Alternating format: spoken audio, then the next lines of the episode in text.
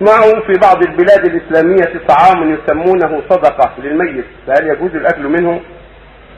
ما يعتاده بعض البلاد مأتا ما يسمونه مأتا في يوم موته أو في الرابع أو في السابع أو في الأربعين هذه بدعة ما ينبغي الأكل منه ولا إجابة الدعوة لأن إجابة الدعوة تشجع على البدع هذه المآت التي يصح فيها الطعام في أيام معدودة من الموت سواء في يوم الموت أو في يوم السابع أو في يوم العاشر أو الأربعين أو على رأس السنة مثل الميت هذه بدعة.